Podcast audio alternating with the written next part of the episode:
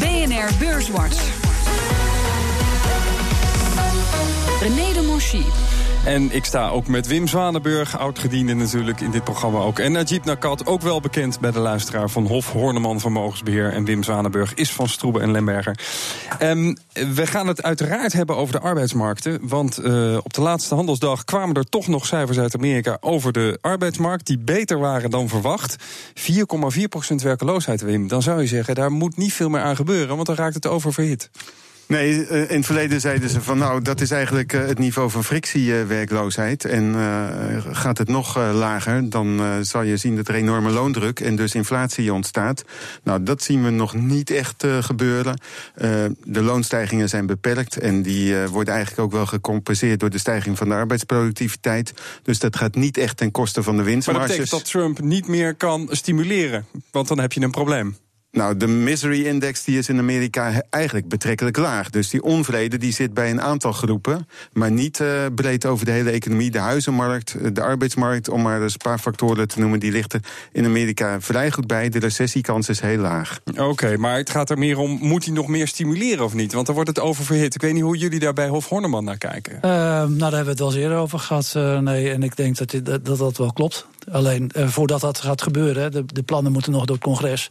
Uh, daar gaat nog wel wat tijd overheen. Maar hij heeft nu zijn eerste overwinningje. Uh, dan komt er geld vrij voor investeringen. Die infrastructuur wellicht, als het zo doorgaat. Ja, die banenmarkt in Amerika ziet er gewoon goed uit. Die banenmarkt, ja, er is sprake van volledige werkgelegenheid in feite. Het enige wat je als kanttekening kan plaatsen is dat de, de participatie in de arbeidsmarkt de afgelopen jaren wel wat is afgenomen. En daar zit misschien wat rek in. Hè. Dat zijn uiteindelijk mensen geweest die teleurgesteld zijn over hun kansen uh, en zich teruggetrokken hebben. En misschien keren die voor een deel terug. Mm, en dat zou nog wat rek kunnen maar dat zijn dan ook vaak ouderen, dus uh, dat vraag ik me echt, echt af. Uh, maar ik heb toevallig dit cijfer nog gezien vanmiddag. Het zit zo ongeveer op de 65% participatiegraad. Dus inderdaad niet zo hoog, dat is afgelopen jaren gedaald. En het uh, wrange is eigenlijk om de arbeidsmarkt wat te verruimen... zal ook Trump immigratie toe moeten staan. En dat was ook juist hè, door de bevolkingsgroei... eigenlijk ook een, een, een, drager van de economische groei in de VS. En ja, de defensieve maatregelen die hij heeft voorgesteld om zeg maar, immigratie te beperken enzovoort. Ja, dat, uh, daarmee schiet hij in zijn eigen voet. Ja, en Najib, en dan hebben we het over die eh, vluchtelingen die hij eigenlijk niet binnen wil laten op die arbeidsmarkt. En dan hebben we het ook nog over de bedrijven die hij binnen wil houden met hun productie in Amerika. Als het allemaal doorgaat, dan uh, gaan beleggers daar echt hele hoge uh, loonstijgingen verwachten voor bedrijven die op de beurs genoteerd zijn. Uh, uiteindelijk wel, ja. Het leidt tot hogere inflatie, hogere productkosten, ook wel hogere lonen. Um, maar wel gevaren voor hogere inflatie op lange termijn. En in feite zijn alle maatregelen die hij uh, genoemd heeft in het verleden uh, olie op het vuur. Op een economie die eigenlijk al uh, volle, volle kracht draait. Ja, dan moeten we gaan kijken naar: gaat die Amerikaanse economie zo draaien, blijven draaien zoals die nu doet? Daar zijn wel wat twijfels over. Nou, met name het cijfer over het eerste kwartaal, dat viel heel erg tegen. 0,7, het was 1,7 procent als je het vergeleek met een jaar eerder. ongeveer hetzelfde niveau als in de eurozone. En veel lager dan wat Trump wil. Die wil eigenlijk naar 3,5 à 4 procent. We zien ook dat de taxaties voor de economische groei voor dit jaar en volgend jaar nauwelijks boven de 2,5 procent per jaar uitkomen. Uh, wat natuurlijk sinds uh, de verkiezing van Trump enorm heeft gespeeld in de markt, was de zogenaamde reflatie, reflation trade. Uh, en de inflatoren verwachtingen, dat is wel toch uh, getemperd de afgelopen uh, twee maanden. Maar nu die weer een politiek succesje heeft binnengehaald... en daarmee ook mogelijk funding voor zijn extra bestedingen... Ja. dan ga je dat weer terugzien. Ja. En dat zie je eigenlijk ook alweer licht in de rente terug. Maar de verrassing van de afgelopen maanden was ook... dat die Amerikaanse rente eigenlijk, en de lange rente, niet verder opliep. Najib, moeten we wel of niet in Amerikaanse aandelen zitten... als je dit, dit verhaal zo hoort en de lijnen doortrekt? Um, ja, als je puur vanuit waarderingen kijkt. Ja, want het heeft geleid tot recordstanden in Amerika. Ja, dat klopt. En, en dat is deels natuurlijk ook door, door winstgroei uh, ondersteund. Maar niet alles. En als je kijkt naar waarderingen, dan zijn die toch wel heel hoog. Zeker als je bedenkt dat de, de, de marges voor de Amerikaanse bedrijven nu op all-time high staan, zo ongeveer. En als inderdaad gebeurt waar we het net over hadden, dat de loonkosten gaan stijgen, dan wordt daar ook een beetje natuurlijk een, meer gedeeld met, met de arbeiders. En dat gaat ten koste van de winstgroei. Zitten die risico's zitten die al ingeprijsd of dat nog niet? Die, dat moeten we nog gaan zien in die koersen. Uh, ik, vind, uh, ik vind het wel aan de koersen of aan de prijzen zeg maar, op dit moment. Ja, Wim, ik denk dat jij dat kan ja, beamen. Nou, we kijken ook relatief wat positiever naar de Europese economie. Maar ik ben absoluut niet negatief over Amerika. Het is al tijdenlang dat daar de waarderingen hoger zijn. En die worden op dit moment absoluut ondersteund door uh, winstmomentum, winstgroei. Maar ook. blijft dat zo doorgaan? Met name ook op die looncomponent? Um, ik zie eigenlijk niet zo heel veel gevaar voor de marges. Want ik heb al gezegd, het wordt behoorlijk gecompenseerd door de groei van de arbeidsproductiviteit. En wat we ook zien op dit moment is dat de grondstoffenprijzen, bijvoorbeeld de olieprijs, die, die, die staat eigenlijk vooral onder druk. We zien niet dat die inflatie uh, in, in de grondstoffenprijzen zich uh, sterk manifesteert. Oké. Okay. Dan toch nog even in Amerika blijven wat betreft uh, Apple. Tesla kwam met cijfers, althans met nieuws. het ook alweer records op de Nasdaq. Apple viel een beetje tegen als je naar maatstappen van Apple er naar kijkt. Ja, je ziet daar toch dat het een, een volwassen uh, bedrijf aan het worden is. Uh, zeg maar de productinnovatie, de laatste grote, uh, dat is toch alweer van een tijdje terug.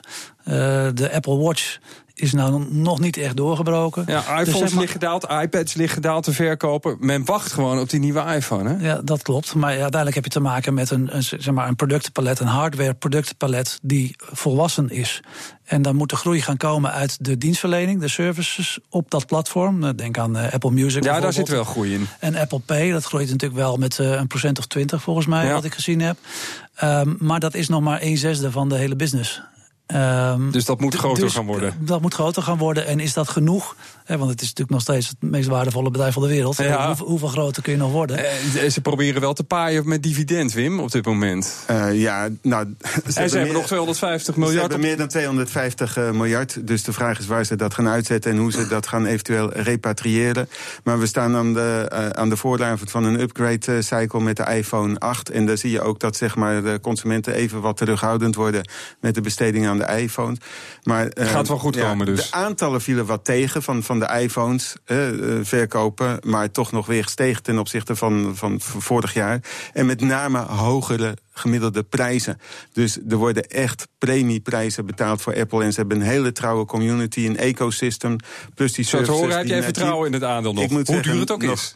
Nee, niet hoe duur het nog is. Het is juist relatief gezien erg goedkoop ja, voor hoe gek dat ook klinkt. Ja. Ja, ja. Um, terug naar Nederland. Ja, dan komen we natuurlijk uiteraard bij DSM, kwam met cijfers. Vielen mij weer mee. En onderhand hebben zij kwartaal op kwartaal uh, meevallende cijfers. De, de omzet die steeg met de 13% meer verkopen, hogere prijzen. EBITDA viel hoger uit. Nou, kan zo wel even doorgaan. Zowel op voedingsmiddelen als bij materials. Ja, ja. het is gewoon een sterk bedrijf op dit moment, uh, Najib. Ja, dat, uh, dat klopt. Nou, er is natuurlijk wel het voordeel gehad van het feit dat het kwartaal, eerste kwartaal van 2016 uh, zwak was. Uh, uh, maar de, bedoel, als je maar de dat, regio's lopen ook beter. Als je, als, je, als, je, als je dat buiten beschouwing laat, dan zie je dat het over alle divisies uh, omzetgroei, winstgroei, um, goede marges. En, um, ja, Aandeel om te hebben? Ja, als je kijkt naar de koersdoelen, ja. dan valt het een beetje tegen. Maar die lopen wel omhoog. En de cijfers waren inderdaad beter dan verwacht. En wat je ook noemde, hè, niet alleen de performance materials... maar ook nutrition enzovoort. Hè. Dus jaren ook die Over divisie die in de ja. problemen heeft uh, gezeten. Wat dat betreft ziet het ja, Ik vind uh, ze een beetje uit. gevangen van hun eigen groei. Want die vergroeiverwachtingen die worden wel vaak weer omhoog bijgesteld... en ook gehaald. En dan krijg je toch op een punt dat je denkt... is het nog haalbaar? Ik weet niet hoe jullie daar tegenaan kijken. Dat, dat, dat, dat moet zeker haalbaar zijn. En het, nog wel? Ja, en DSM... Kijk, als je DSM over, laten we zeggen, de laatste 10, 15 of 20 jaar bekijkt is dat natuurlijk een, een, een fantastische uh, ontwikkeling geweest die zij hebben kunnen uh, neerzetten. En dus wij hebben niet een, het vermoeden dat dat op korte termijn gaat veranderen. Positief. Ja, wat dus. ik bij DSM een keer zo wil is dividend wat verhogen. Uh, Oké, okay. oproep aan DSM. Ja, Kom met dividend. Air France kwam ook met cijfers. Um, ja, KLM doet het dan misschien nog wel goed binnen die groep. Relatief goed. Maar Air France trekt toch de cijfers omlaag. En weliswaar worden de tickets beter verkocht, maar op lange termijn toch geen goede verwachtingen. Ik hoor af en toe analisten aan deze tafel zeggen: stap niet in luchtvaartaandelen. Uh, kunnen we dat weer concluderen op basis van de cijfers van Air France KLM? Wie van jullie durft die bewering aan? Nou, ik, ja, dat, dat stapt niet in luchtvaart, dat snap ik heel goed. Dat, uh, dat doen wij eigenlijk ook niet, in ieder geval niet in de aandelen. Um, nou, om even terug te komen op het dividendoproep van, uh, van Wim zo direct. De laatste keer dat uh, het bedrijf dividend heeft uitgekeerd is in 2008 geweest. Oef, ja. uh, je hebt nog steeds te maken met een industrie met heel veel legacy kosten. zeg maar, kosten uit het verleden, hoge kosten. Um, en overcapaciteit. En dat blijft gewoon het probleem. Ja, de, de luchtvaart, het luchtvaarttoerisme groeit wel uh, sterk. Maar dan zou mijn voorkeur inderdaad uitgaan naar andere luchtvaartmaatschappijen. Laat en dan toch Ryanair, EasyJet, EasyJet ja. enzovoort. Precies. Ja. En, en uh, ja, niet de grote uh, legacy networks. Hoewel, ja, internationaal blijft het wel een sterk spelen. Maar ook een hele hoge kostenbasis. Ja. En dat blijft moeilijk bij Air France. En, de, en de vakbonden in Frankrijk, hè? Ja, ja, ja, daar komen we ook nog op. Dan, Shell kwam ook nog met cijfers. Kostenbesparingen beginnen nu echt wel resultaten te laten zien. Upstream, downstream, allebei winst. Kaststroom neemt toe. Dat is wel belangrijk bij dit bedrijf natuurlijk. Investeringen lijken goed te zijn gegaan. Het snijden daarin. Um, ja, ook eigenlijk. De, verkoop, het afstoten van, van, van onderdelen. Ja. Ze wilden de balans versterken en de mix verbeteren. Lukt goed. Uh, naar de overname van BG. Maar zijn ze binnen de sector het meest aantrekkelijke aandeel? Want daar hoor ik wel twijfel over. Uh, daar heb ik ook nog uh, wel wat uh, twijfel over. het komt er wel beter, beter uit te zien. Maar ik moet zeggen, ik ben op dit moment nog steeds... en wij zijn eigenlijk heel terughoudend ten aanzien van de energy sector, oil en, en, en gas. En want? Waarom? Nou, we zien nu eigenlijk de olieprijs afgelopen week ook weer onder druk staan. de resultaten van Royal Dutch Shell zijn goed ontvangen. Maar de olieprijs is weer teruggevallen naar een lager niveau. En ja, mogelijk gaat het OPEC-akkoord zich ook niet uh, handhaven. En we zien toch wereldwijd, en vooral ook uit de, uit de VS... het aanbod van schalieolie en gas sterk toenemen. Ja, neemt toe. Nou, Chip, ik weet dat jullie wel eens wat met die oliesector offshore hebben gedaan, geloof ik. Hoe sta je tegenover Shell? Um, nou, we hebben zelf de aandelen niet. Wij hebben eigenlijk onze posities ingenomen in, zeg maar, in, in, le in de leningssfeer. Dat ja. was volgens mij ook de tip die ik vorige keer ja, gegeven klopt. had. De lening van Transocean. Ja. Uh, maar wat je in ieder geval uh, ook ziet in die sector... Het is, het is ook veel minder afhankelijk geworden van hoge olieprijzen. Want als je kijkt zeg maar, wat de break-even kosten zijn voor, uh, voor olie-exploratie... in diverse gebieden in de wereld is dat toch wel 40% gedaald... ten opzichte van 2014. En dat helpt natuurlijk ook nog enorm mee in de, in de cijfers en de Ze hebben natuurlijk allemaal enorm scherp in de kosten gesneden... toen vorig jaar die olieprijs richting 30 ja. stond. En daarom tekent die sterke verbetering van bedrijfsresultaten. Maar dan kunnen ze dus beter tegen een lagere olieprijs. Dat klopt. Ja, ja, maar als je kijkt naar de, de outlook enzovoort... Hè, de olieprijs die herstelt zich nu onvoldoende. Het gaat niet richting 60, 70 dollar per vat uh, stijgen. En dat betekent ook dat de toeleveranciers hè, van de oil services enzovoort... dat je daar ook nog wel even terughoudend op moet zijn. Dan tot slot nog even AXO erbij pakken. Hebben toch deze week gezegd... misschien gaan we dat bod van PPG wel bekijken. Maar een grote investeerder in, uh, in AXO, Elliot, heeft gezegd... jullie zijn beter af bij PPG, minder ontslagen. Is dat nou dat charme-offensief van degene die die overname wel willen? Hoe, hoe betrouwbaar is dit en wat, wat, wat gaat het nou uiteindelijk worden? Moet AXO toch aan de tafel gaan zitten, Najib? Uh, dat denk ik zeker, ja. Uh, onvermijdelijk? Onvermijdelijk, ja. Het, uh, het feit dat uh, de manier waarop PPG afgeschilderd wordt, uh, is denk ik niet helemaal fair naar PPG toe. En ook niet naar de, naar de stakeholders van, van AXO. Want AXO heeft de afgelopen jaren het, het toch niet goed genoeg gedaan. Begrijp ik dat jullie ook een oproep doen, ga praten? Ga praten, ja, dat klopt. Ja, ja oké. Okay. Zitten jullie erin in AXO? Ja, we hebben, een, nou, we hebben niet veel, maar we hebben wel wat. Ja, ja. Nee, okay. wij, wij, zaten juist niet in AXO omdat de groei veel te laag was. Dus dat nu de strategie wordt, wordt herzien en dat de externe druk toeneemt, dat vind ik een hele goede maar wel zaak. rijkelijk laat, pas als PPG op de deuren klopt. Ja, en dus te laat ook. En de beste bescherming is inderdaad gewoon een hoge groei uh, realiseren. En dat heeft AXO gewoon onvoldoende gedaan. Uh, La, het is nu wel een beetje propagandaslag over ja, de toch, banen. wordt een charme om te kijken naar uh, aantallen banen enzovoort. Of dat echt beter zal zijn bij PPG, dat waag ik toch te betwijfelen. Ik mag hopen van niet, want dan moeten ze toch een deel van de winst terug gaan halen door te snijden kost. Tot slot, denken jullie dat het gaat gebeuren of niet? Najib, kort? Uh, ja, ik denk het wel uiteindelijk. Wim? Ik heb daar twijfel over. Oké. Okay. Ja. Um, ja, nou, we gaan uh, hier verder over praten natuurlijk, na de reclame. Want stel dat de Europese presidentskandidaat Macron wint... ja, dan committeert Frankrijk zich definitief aan de voorwaarden... die aan de eurozone zijn gesteld. Ik vraag het maar. BNR Nieuwsradio. BNR Beurswatch. Mijn naam is René de Monchy en ik sta met Wim Zwanenburg en Najib Nakat. En in de reclame praten we verder over PPG en Axo Nobel. Gaat het nou wel of niet gebeuren? En dan wil ik meteen even vooruitkijken, of terugkijken naar de afgelopen week. De belangrijkste stijgers en dalers. Ik begin met de AX, plus 2,1% erbij. Ook de midcap deed het goed, 2,7% erbij. Stijgers. Allemaal financials. ABN AMRO plus 7,9% de afgelopen vijf handelsdagen. En sinds januari 22% gestegen. En N, de verzekeraar, 6,8% in de plus. Egon deed het goed en ook ING 5,5% hoger. En in de midcap was het TKH. Dat kreeg er ruim 9% bij. Dalers. Ja, het waren er maar weinig, maar toch. Geen Malto, 0,9% lager. SBM de afgelopen handelsweek 0,6% lager. En ook Polskalis ging een kwart procentje af van het aandeel.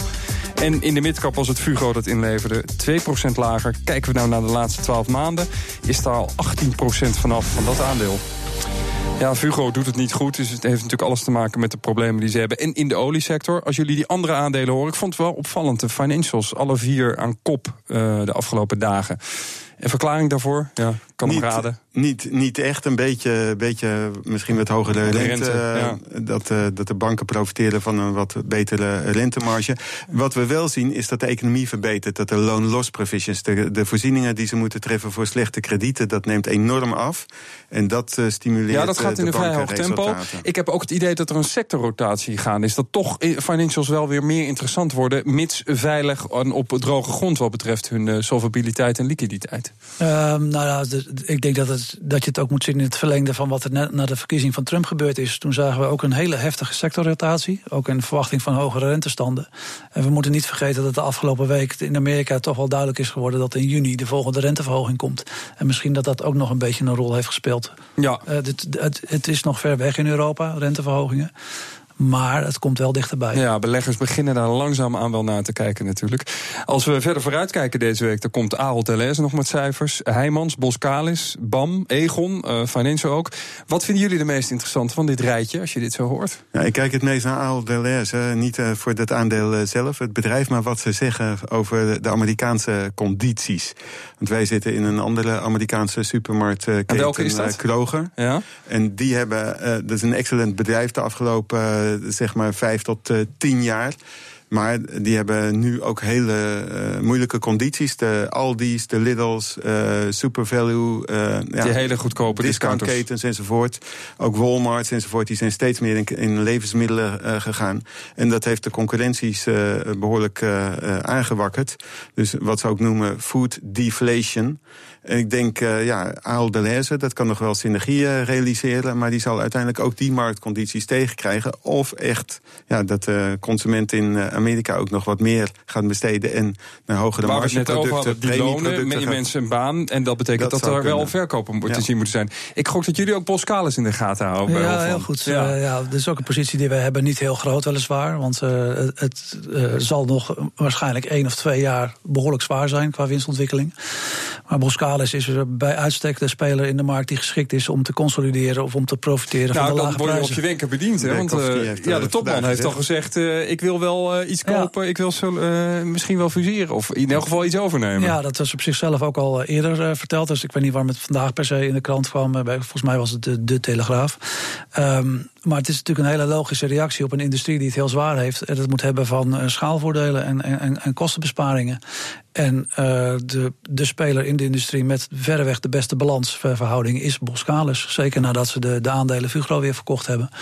Hebben ze alle ruimte om, uh, om de komende twee jaar dat spel te gaan spelen. En uh, wij moedigen dat alleen maar aan. Oké, okay. dus jullie hopen dat daar inderdaad een consolideringsslag gaat plaatsvinden. Ja, maar dan zou je eigenlijk de gekochte bedrijf moeten nemen en niet de opkopers. Ja, die hebben we ook waarschijnlijk. Okay. Althans, dat ja. hopen we. Ja, ja, ja. Snap maar goed, de Noord en de Nul, ja, ze moeten toch echt volledige overeenstemming. Die, die, die bedrijven moeten wel willen. Ja, ja en, en, en de concurrentie, uh, zeg maar, uh, toezichthouder, de uh, ACM bijvoorbeeld. Of ze niet te machtig worden. Of ze niet te machtig worden. Ja. er komen ook nog wat andere cijfers. Ja, Arcelor zag ik, dat bedrijf doet het sowieso wel goed. die staalmarkt, die daar heb ik wel wat vraagtekens over wat betreft China. Ja, precies. Uh, ja, dat, dat is eigenlijk bepalend zeer, voor alle staalbedrijven. Zeer, zeer wisselend, uh, overcapaciteit. Uh, dus ik ja, ben heel terughoudend. ten, en wat we ook hebben gezien afgelopen weken, ik noemde het al, vanuit de grondstoffensector zien we niet een inflatoren impuls. Integendeel. Dus uh, ja, vraag me echt af of, uh, of ArcelorMittal het weer gaat doen. Ik vind het toch een beetje, ja, een beetje het gokfonds ja, van, de, van de. Najib, hoe kijken jullie daar tegenaan bij Hofman? Uh, ja, de balansverhoudingen zijn te slecht er, voor, voor, voor, voor een dergelijk type bedrijf. voor ons om daar posities in te nemen. Ja. En wat er in China gebeurt is, ja, de, de, afgelopen weken zien we daar dat toch de, het kredietgroei een beetje afgeremd wordt. En dan zie je gelijk de markt erop reageren, want die vertaalt dat van, hé, hey, wacht eens even, dat leidt tot een verandering zeg maar in de vraag naar huizen. en dus in vraag naar grondstoffen. En dan zie je in één keer die grondstoffen, jongens, een, klap krijgen. Ik denk dat het minder snel gaat, maar we, zien de, de propertymarkt, zeg maar, de vastgoedmarkt in, in, in, China toch wel weer wat aantrekken. Maar het blijft een gok en een bubbel natuurlijk. Hè? Je weet nooit hoe die vastgoedmarkt in elkaar zit. Daar heeft Najib wel gelijk in. Het, is, het is absoluut waar dat die kredietverlening die is excessief gegroeid de afgelopen jaren in, in, in China. Dus, en, en hij groeit nog steeds een beetje te hard naar onze smaak. Ja. En, of nou de huizenmarkt in een bubbel zit, dat weet ik niet. Maar bijvoorbeeld de huizenprijzen in Shenzhen zijn de afgelopen twee jaar met 75% gestegen. Nou is dat wel de nieuwe, de, het Silicon Valley van, van, uh, van China aan het worden. Um, maar, dan het zijn je, toch wel indrukwekkende groeicijfers. Dat wel, maar de, de, de, de, rationaliteit erachter, eh, terecht wordt die betwijfeld, kan je beter je geld in een wat veiliger, waar meer duidelijkheid over is, natuurlijk stoppen. Ja, dat klopt. Ja, Franse verkiezingen, we ontkomen er niet aan. Um, het ziet eruit dat Macron gaat winnen op het moment dat dit in de programma loopt hij loopt hij uit. En ik denk dat we wat dat betreft het feestje al twee weken geleden hebben gehad op, op, op de beurzen. Dat was natuurlijk toch wel spannend, hè? welke twee kandidaten maar ik lees toch ook dat, dat met hem de problemen nog niet helemaal voorbij zijn. Hij is er wel pro-Europea, maar hij heeft toch ook nog wel de grote moeite om uh, Frankrijk te hervormen en te zorgen dat het er beter gaat. Hij zal parlementaire meerderheden moeten kunnen smeden. Dan zijn we dus nog niet van het probleem af. Nee, nee, nee nou, eh, dat is meer verdeeld. Nou ja, je bent even van het probleem of het risico Le Pen ben je af. Maar ze is er over uh, vier jaar of zes jaar is ze er nog steeds. Ja, en, en parlementsverkiezing ook nog. En als in de tussentijd hij het niet voor elkaar krijgt om te hervormen... blijft het gevaar natuurlijk wel op de achtergrond. Maar wat natuurlijk wel meespeelt is dat de economische ontwikkeling in Europa... Uh, behoorlijk aangetrokken is de afgelopen twee jaar. Het gaat gewoon goed. Hebben we dode punt gehad wat dat betreft? Want Frankrijk is nog wel een redelijk hoge werkloosheid. Andere landen ook wel, maar het trekt wel aan, die arbeidsmarkt. Het trekt wel aan, ja. Het, het, het, trekt met, met name in eh, Zuid-Europese landen trekt het ook eh, aan. Dan zien we de werkloosheid heel langzaam, maar wel gestaag afnemen. En zien we ook eh, de bestedingen toenemen. Nou, en ook eh, de Franse groeicijfers die kwamen over de afgelopen kwartalen wat beter uit dan uh, verwacht. De inkooporders in Frankrijk die vallen ook. Je zag meteen de rente deze week, die, die in Frankrijk eigenlijk een best normaal niveau ja. handhaafde. Um, hoe moeten we dat nou vertalen naar de belegger? Waar moet je dan wel en niet in gaan zitten? Ja, Franse obligaties? Of is daar nog voor nog te vroeg?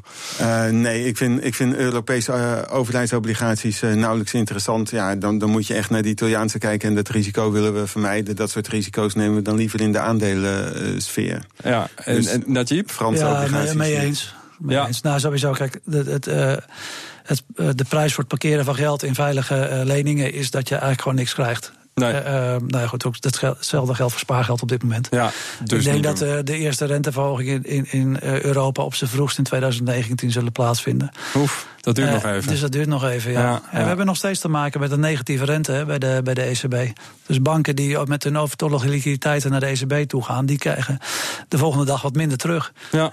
Oké, helemaal duidelijk. Um, dan ga ik je maar meteen vragen naar je tip. Najib Nakat van Hof Horneman. Uh, wat is jouw tip? Twee voorwaarden. Uh, leg even uit wat het is en ook of je er zelf in zit of niet.